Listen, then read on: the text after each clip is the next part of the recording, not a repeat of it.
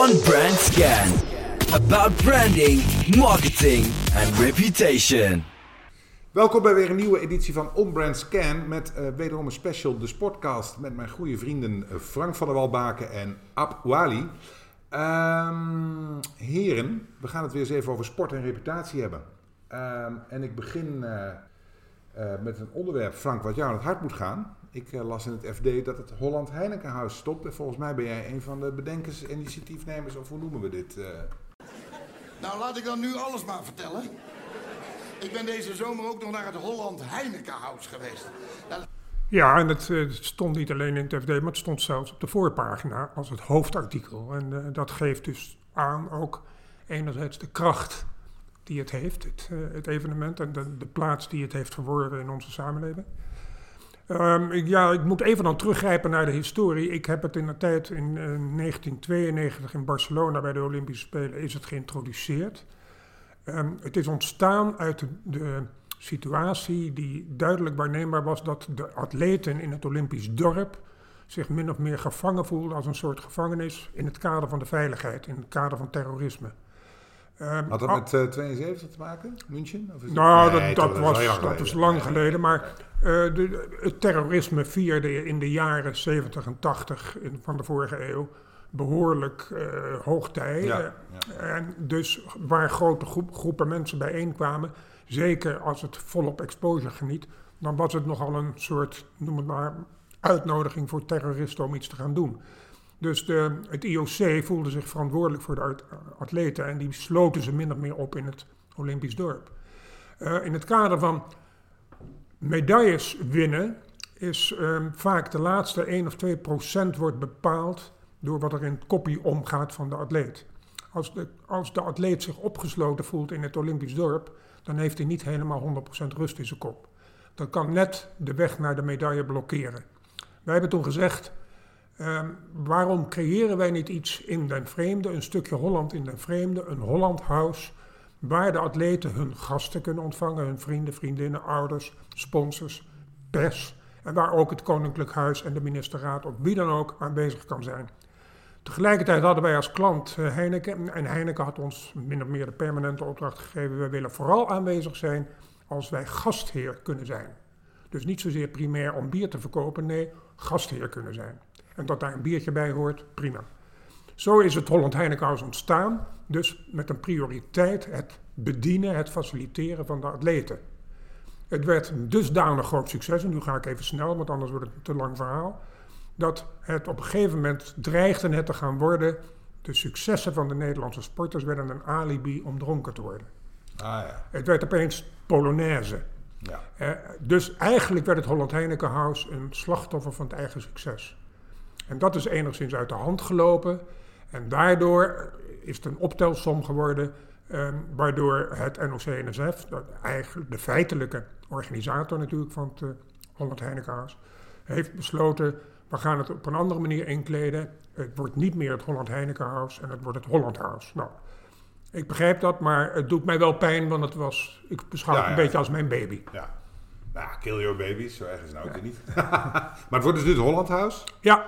Heineken, Heineken blijft wel aan boord. Blijft wel aan boord, wordt Heineken geschonken natuurlijk. Ja. En ook 0.0 waarschijnlijk uh, steeds meer. Uh... Maar ze krijgen niet meer de, de, de, de, echte naamskoppeling. En dat is jammer, want het, het, het was een doorslaand succes. En we waren de eerste als Nederland en het is sindsdien al meer dan 30 keer gekopieerd door andere landen. Ja. Je kunt ook zeggen dat je kindje volwassen is geworden. En dat het zich heeft uh, geëvalueerd van Holland Heinekenhuis naar Holland House, toch? Ja, maar je kan ook zeggen, ja, mijn kindje is volwassen geworden als Holland Heinekenhuis en dan wordt de naam afgenomen. Eh, maar goed, het is... Een, dat is toch wel weer heel aardig Het is hoe je het interpreteert. Ja, ja, dat hij dat even zo... Maar ik vind het jammer, het, want het, het, het, het, schiet nu zijn doel voorbij om ter wille van de atleten wordt er, wordt er ergens anders over beslist. En dat vind ik jammer. Ja, Even dan, uh, App, vind jij ook vast iets van? Ga ik even, blijf ik even bij bier en sport.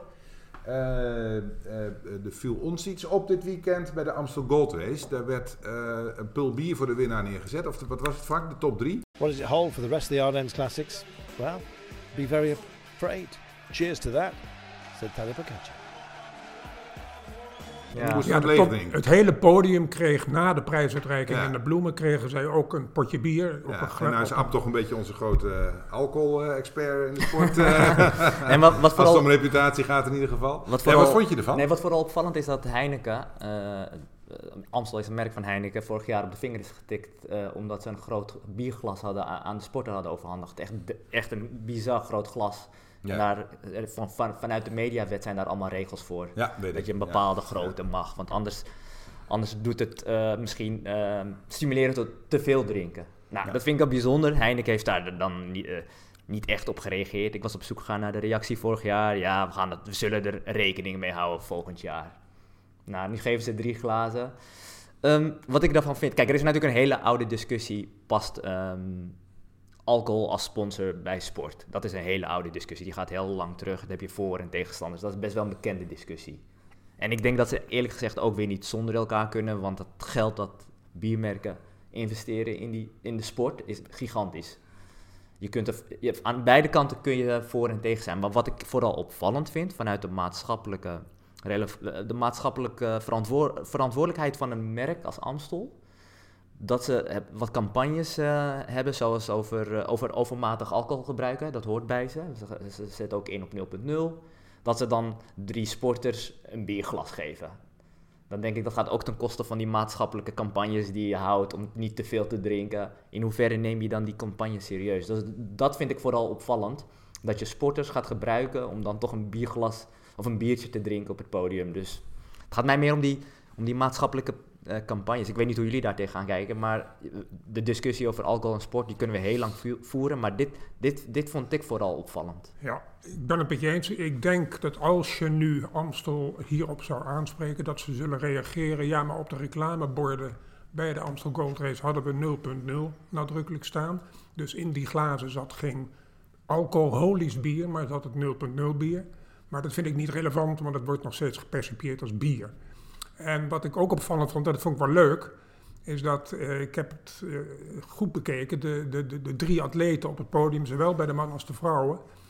Eh, alleen Pogacar, de winnaar bij de mannen, dronk het glas leeg.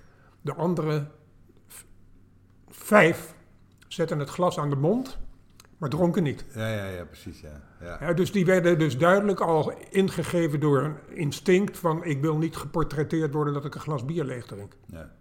Ik kan me wel herinneren dat ik ooit een, eh, een wedstrijd hard heb gelopen, de Dam Damloop, 16 kilometer. Dat ik aankwam, dat ik zin had in een biertje. En ik heb me nog nooit in mijn leven zo goed gevoeld.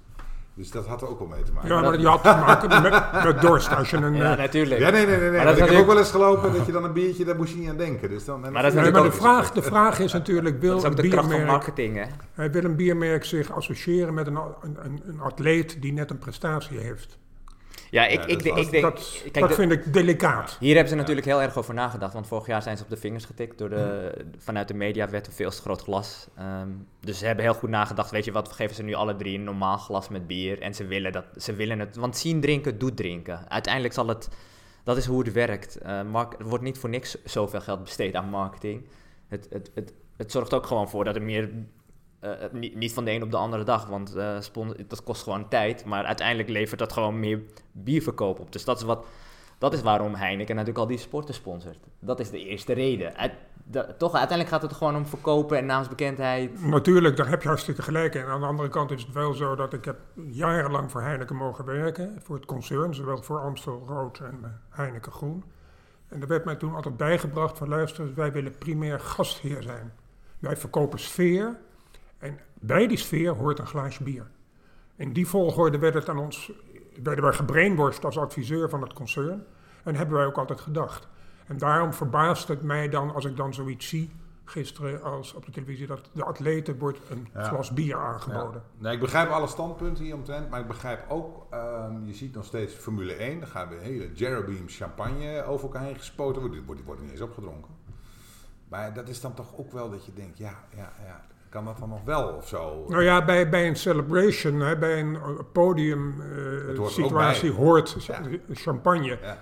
Eh, en ze zetten hem die fles af en toe wel aan de mond. Eh, Ja. Maar goed, dat, dat, ik vind het net iets anders dan bier. Maar goed, het blijft een even discussie. het hoort er ook een beetje bij. Hè? wat Ab terecht zegt, het is al een eeuwenlange discussie. En eh, ja, waar trek je de lijn van sponsors die wel en niet kunnen? En, dat is ja. en moet je, moet je sporters inzetten als ambassadeur van je biermerk? Dat vraag ik me af, want jonge, jonge, jonge kinderen die, die, die kijken op tegen sporters.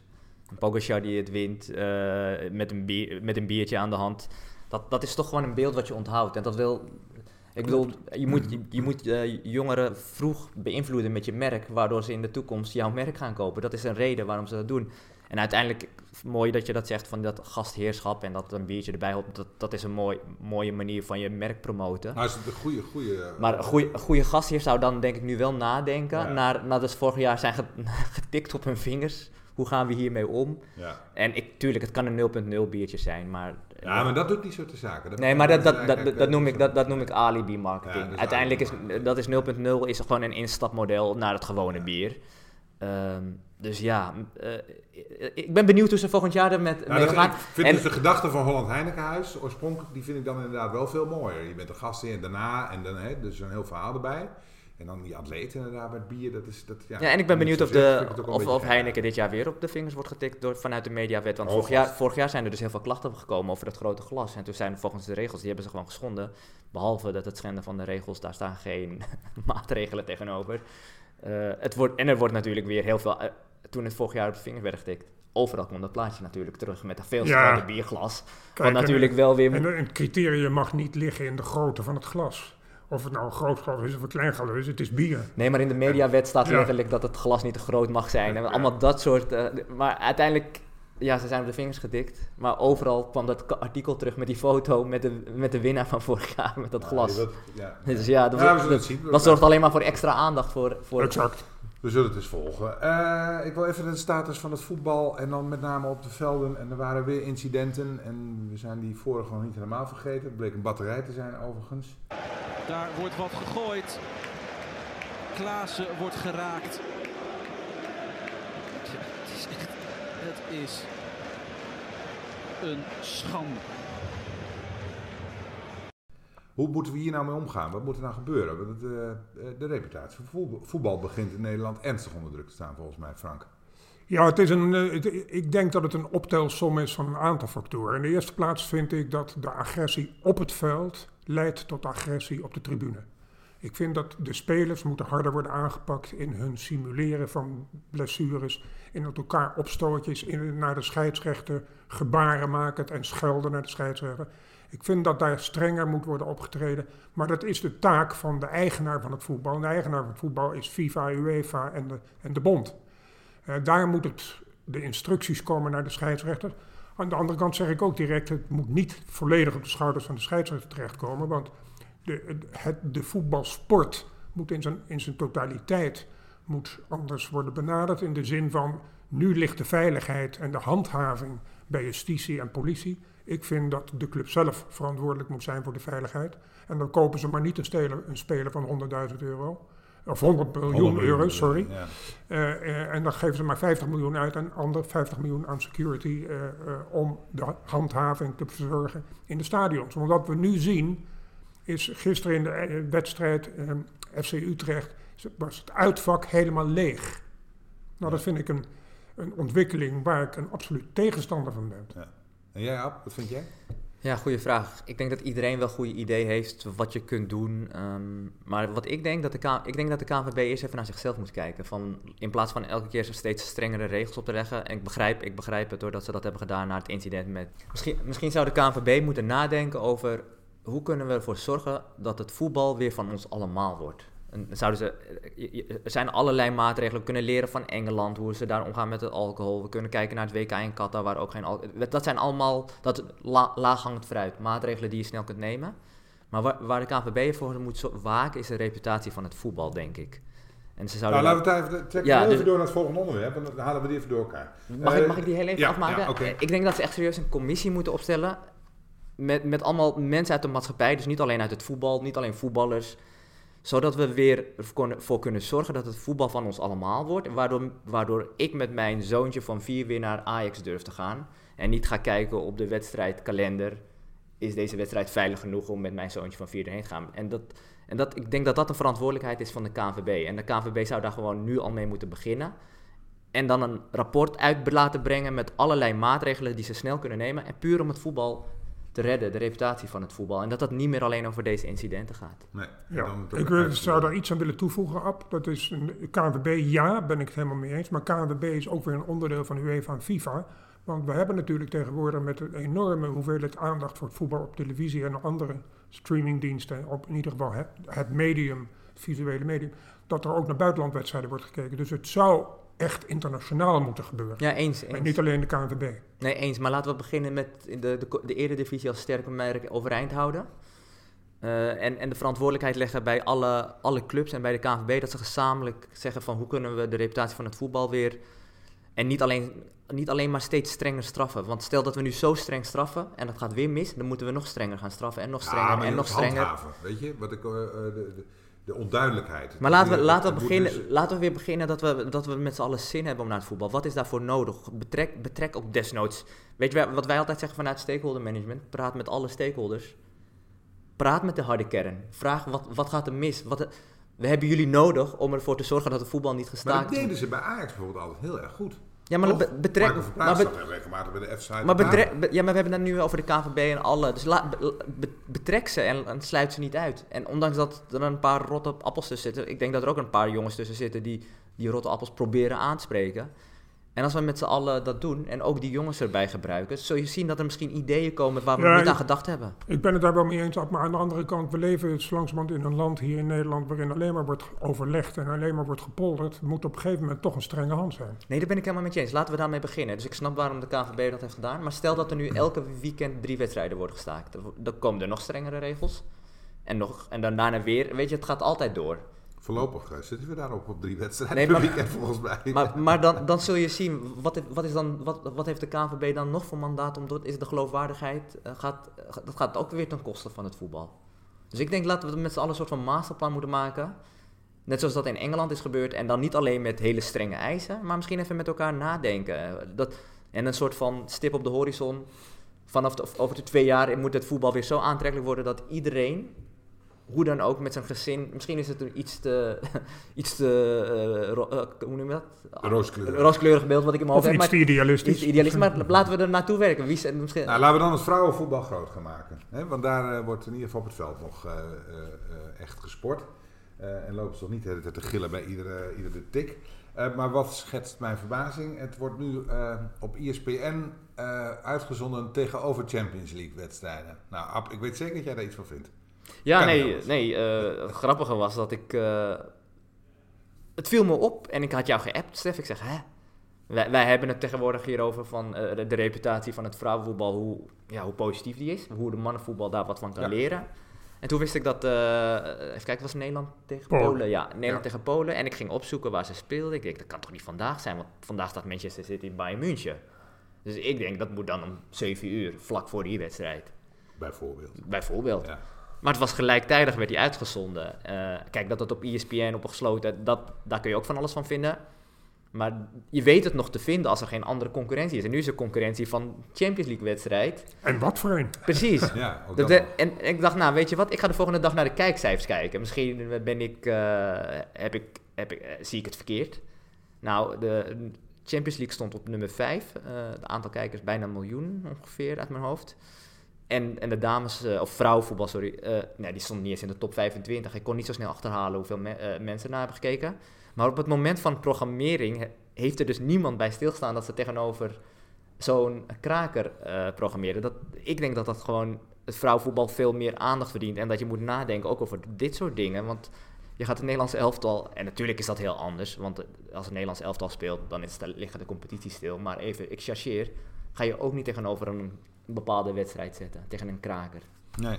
Nou, het geeft een beetje aan dat enerzijds wordt de voetbalwereld gelukkig geconfronteerd met een enorme groei en aandacht voor het vrouwenvoetbal.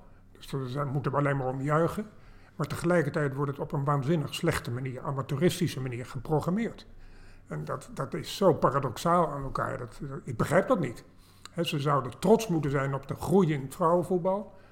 Elke sport moet daar trots op zijn. En zeker op dit, moment waarin er ongein gebeurt in het mannenvoetbal. Grijp de positieve aspecten van het vrouwenvoetbal aan, maar geef het dan ook de plaats die het verdient. Ja. Hè, in de programmering ervan. Ja. ja, en daar zouden ook echt wel mensen naar kijken, denk ik. Absoluut. Ja. Ja. ja, en dat zou eigenlijk dus gewoon programmering moeten zijn zoals als ware het Nederlands Ja, maar als je, elftal speelt. als je het nou hebt over reputatie van voetbal, dan is het de, de, ligt de verantwoordelijkheid bij de KNVB. En als ze dat in dit zo programmeren, dan geven ze in wezen aan dat ze niet bewust waarschijnlijk, en, maar dat dat wordt- onbewuste is juist extra kwalijk. Onbewust krijgt het dus niet de aandacht die het verdient. Nee, ja, maar soms dan lukt het weer wel, hè, maar dan doen ze het op de radio en dan hoor je echt wel een integrale commentaar. Ja, maar het is dan een eh, beetje populistisch. eh, Ja, dat is dan toch een beetje raar. Ja. Geklets, ja. terwijl het, eh, als het om gaat, dan, eh, dan zien we het ineens weer niet. Nee, Ja, het, het, het- het gaat natuurlijk ook heel vaak goed met de programmering, maar het gaat meer o- erover dat er dus op het moment dat dit voor me, eh, georganiseerd is, dat daar dus niemand over na heeft gedacht. Ja. En, ik, en dat zegt iets hoe er dan tegenover het vrouwenvoetbal wordt gekeken, dat het niet de aandacht krijgt Klopt. die het verdient. Ja. Dus Ja. dat, dat is gewoon opvallend hier. En misschien zijn er heel veel andere redenen die wij niet kennen. Ik, ik, ik denk het niet. Eh, ik denk dat die vrouwenvoetbal, eh, vrouwen zelf van het team, als je dat vraagt, ook liever niet geprogrammeerd worden tegenover Manchester City, Bayern München. Misschien willen zij liever ook die wedstrijd kijken. ja, dat weet ik wel zeker. Ja, het zijn ook liefhebbers. En dat Ja. zij dan liever eh, de week daarna... Nou, toevallig is het dan deze week ook Champions League. Maar da- da- als je daarover nadenkt, kun je er je een mooi moment geven... waardoor ook de andere voetbalhebbers die wedstrijd kunnen kijken. Ja, moet kunnen. Ehm, dan was er dit weekend een uitnodiging op de deurmat gevallen van IVM Sport, waar jij, Frank, met eh, Maarten Halsema, collega, naartoe bent geweest. Het korfbal. Eh, wat was dat precies? We kregen allemaal filmpjes te zien. En Nou, dat is een jaarlijks eh, terugkerend fenomeen. Het staat zeer nadrukkelijk en hoog genoteerd op de Nederlandse sportkalender. Ehm, dat is de finale eigenlijk van de competitie, van de twee bovenste die tegen elkaar spelen. En die het landskampioenschap eh, bepalen. En dat was PKC en Dovo. Ehm, eh, Dovo uit Bennekom en eh, PKC uit Papendrecht. Nou, PKC, de grote favoriet, heeft ook gewonnen. Zeer duidelijk gewonnen. Het was een redelijk eenzijdige wedstrijd, dat is jammer. Maar wat mij is opgevallen, ehm, het was een, een, een, een, een uitverkochte Ahoy. Wij zijn overtuigend de beste van Nederland. Niemand zou iets kunnen afdingen op deze titel.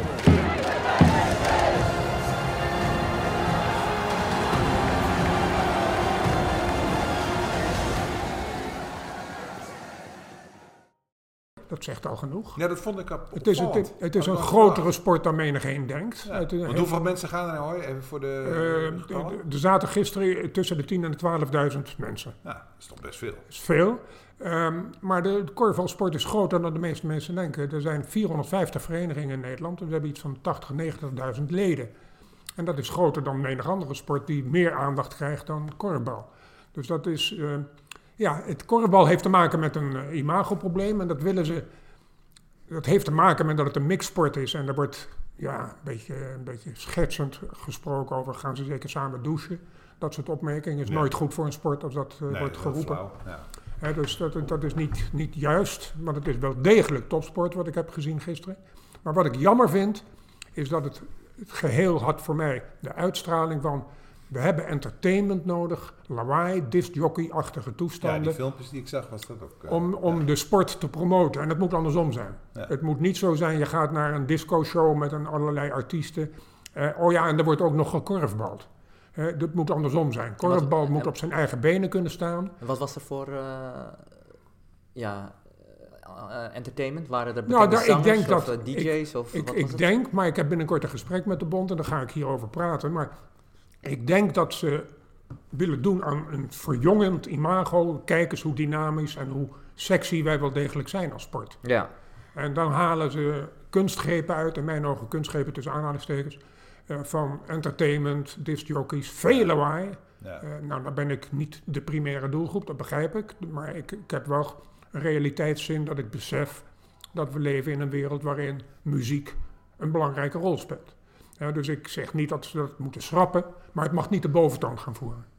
En die indruk had ik. Het doet een beetje denken aan. eh, ik was ooit betrokken bij de introductie van American Football eh, in, eh, in Amsterdam. En dat, dat is gewoon totaal mislukt. En, maar dat, moest gewoon, dat leek wel één grote show. Ja, En dat voetbal die duurde ook al heel ja lang. maar daar heeft men de denkfout gemaakt dat men dacht, een sport die zo populair is in Amerika, moeten wij kunnen parachuteren in Nederland. Ja, en dat lukt En je kunt niet een nieuwe Nee. sport die totaal geen ondergrond, geen basis, geen traditie heeft.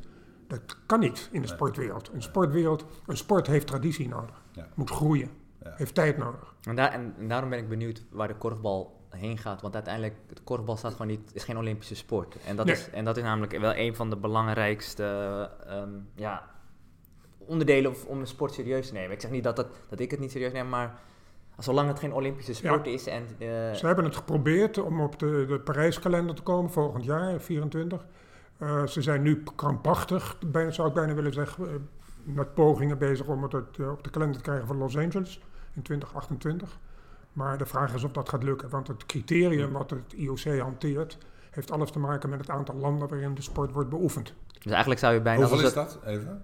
Eh, ik weet niet precies hoeveel landen, wat het exacte criterium is, maar het is in ieder geval zo dat de korfbalsport nu nog in te weinig landen wordt beoefend. Ja. Het, andere, het voordeel echter is dat het eh, IOC ook zeer nadrukkelijk een accent plaatst op dit moment over mixed. Hè, mannen en vrouwen samen. En dat is natuurlijk een voordeel wat de korfbalsport heeft. Ja, dus, dus de maatschappelijke sentimenten hebben ze mee. Dus ze zouden er eigenlijk alles aan moeten doen om 2028 daar eh, aanwezig Precies, te zijn. en daarom ben ik geneigd te zeggen van als je de sport anders wil positioneren, wat ze dus proberen met muziek en lawaai en show, dan gooi je het accent eerder op het mannen-vrouwen, gooi het accent op interviews met die mannen en vrouwen, positioneer je mannen en vrouwen als helden. Dan ben je met de sport bezig te verkopen en niet met hulpmiddelen als muziek en discjockeys. En weet je in hoeverre ze hebben ook proberen als Nederland, eh, want daar heb ik zelf te weinig eh, zicht op, de sport internationaal te maken, andere landen eh, te betrekken, behalve de landen waar het al redelijk Ik ben niet op de hoogte van exact. Ik weet wel dat ze pogingen doen om demonstratiewedstrijden te spelen en om hun technische staf beschikbaar te stellen aan andere landen. Ik weet dat ze daarmee bezig zijn. Maar dat zouden ze nadrukkelijker moeten doen. Ja, dus dat zou een onderdeel van de strategie moeten zijn. Ja. Ja, ja. want ehm, ik, ik zag, ik kwam van de week een filmpje van, van NOS Sport, Sport Explainer. Die Ja, maakt altijd... even de show notes zetten. Ja, die maken altijd van die eh, mooie filmpjes. Ik wil iedereen die luistert eh, attenderen op dat filmpje. Het is echt de moeite om terug te kijken, want ze hebben een heel mooi filmpje gemaakt over de potentie van korfbal. Ja. Want er zit heel ja, veel en de potentie. achtergrond, de, de basis van de sport. En een heel goed filmpje. Ik heb het ook gezien en eh, ik ben onder de indruk. Het is een, een goed instrument om de sport mee te, te helpen. Ik ken, ik ken korfbal toch echt alleen maar... eh dat is ook omdat als ik Studio Sport kijk, het, het wordt of aan het laatst geprobeerd als het dan de ruimte krijgt, of nu dan met de Ahoy. Maar je, je, je komt er ook te weinig mee in aanmerking via de tv. Het enige moment dat ik ermee in aanraking was op s- schoolkorfbal, op de basisschool. En ik vond het een fantastisch spel. Dus, en ze, ja, er liggen heel veel kansen voor de korfbalbond. Want er zijn heel veel leden. Want volgens mij zei jij iets van 60.000 leden? 90.000 leden. 90.000 leden. Ja. Dus kijk, Ja, kijk, en, en ik heb gisteren echt eh, met mijn sporthart eh, heb ik wel zitten genieten van de wedstrijd. ja. Absolute topsport. Nou, hopelijk staat op 2028 eh, krijgen ze dat voor elkaar. Ja. Ja, dat gaan we gewoon regelen. Toch? hey, eh, Oké, tot slot. Eh, dit weekend wordt het heel spannend als wij voor de tweede plek Ajax PSV, PSV Ajax spelen. Nou, wat wordt het ab? Ik eh, doe uit uh, bijgeloof nooit. eh, als het om Ajax gaat, zeg ik nooit wat het wordt. dus Ik weet het eh ook niet meer. Frank, wat denk jij? Gaan we bijgeloof. het nog een beetje... Nou, ik, ik kan constateren alleen maar dat beide ploegen zijn kwetsbaar. Dus dat maakt het wel een fascinerende wedstrijd en een leuke wedstrijd. Dus vanuit mijn sporthart zeg ik prachtig. We- eh, er is absoluut niet een, een potentiële winnaar. Nee, dat, weet niet eens en het is twee- dat ze twee keer tegen elkaar spelen Ja, binnen relatief korte tijd. Dat Ja. vind ik ook opvallend en spannend. En is dan de, dat weet ik eigenlijk niet, is dan de KNVB-finale met twee keer eh 20.000 man eh Nee, nee, uit beide steden? Of is het Nee, nee, nee, nee. Is één keer in de Kuip. Ja, maar in de Kuip. Ja, Is ja. het, Ja, het is in de Kuip. publiek en, Oh, dat bedoel van beide Ja, ja, ja. clubs of niet? Hoe, zit dat eigenlijk? Goeie vraag. Goeie vraag. Dat weet ik ook niet op, Nee. hoe dat zit bij de finale van de beker. Oh. Ik weet dat in de competitie eh, speelt eh, Ajax in de Kuip zonder publiek. Ja, dat weet ik, maar ze zijn jaren zo. Eh, maar of dat ook, die regel ook geldt voor de bekerfinale. Ja, goeie dat is een vraag. Goeie vraag. Weet ik niet. nou, we zullen het zien. Oké, nou, we gaan het weekend kijken en eh, heren, dank u wel. Dat was dan alweer de dertigste On-Brand Scan met weer een speciale tweede editie van de Sportcast. Nou ja, je weet wat je te doen staat, toch? Delen, eh, luisteren, laten luisteren en ervan genieten. En dan zien wij elkaar de volgende keer weer. Dag.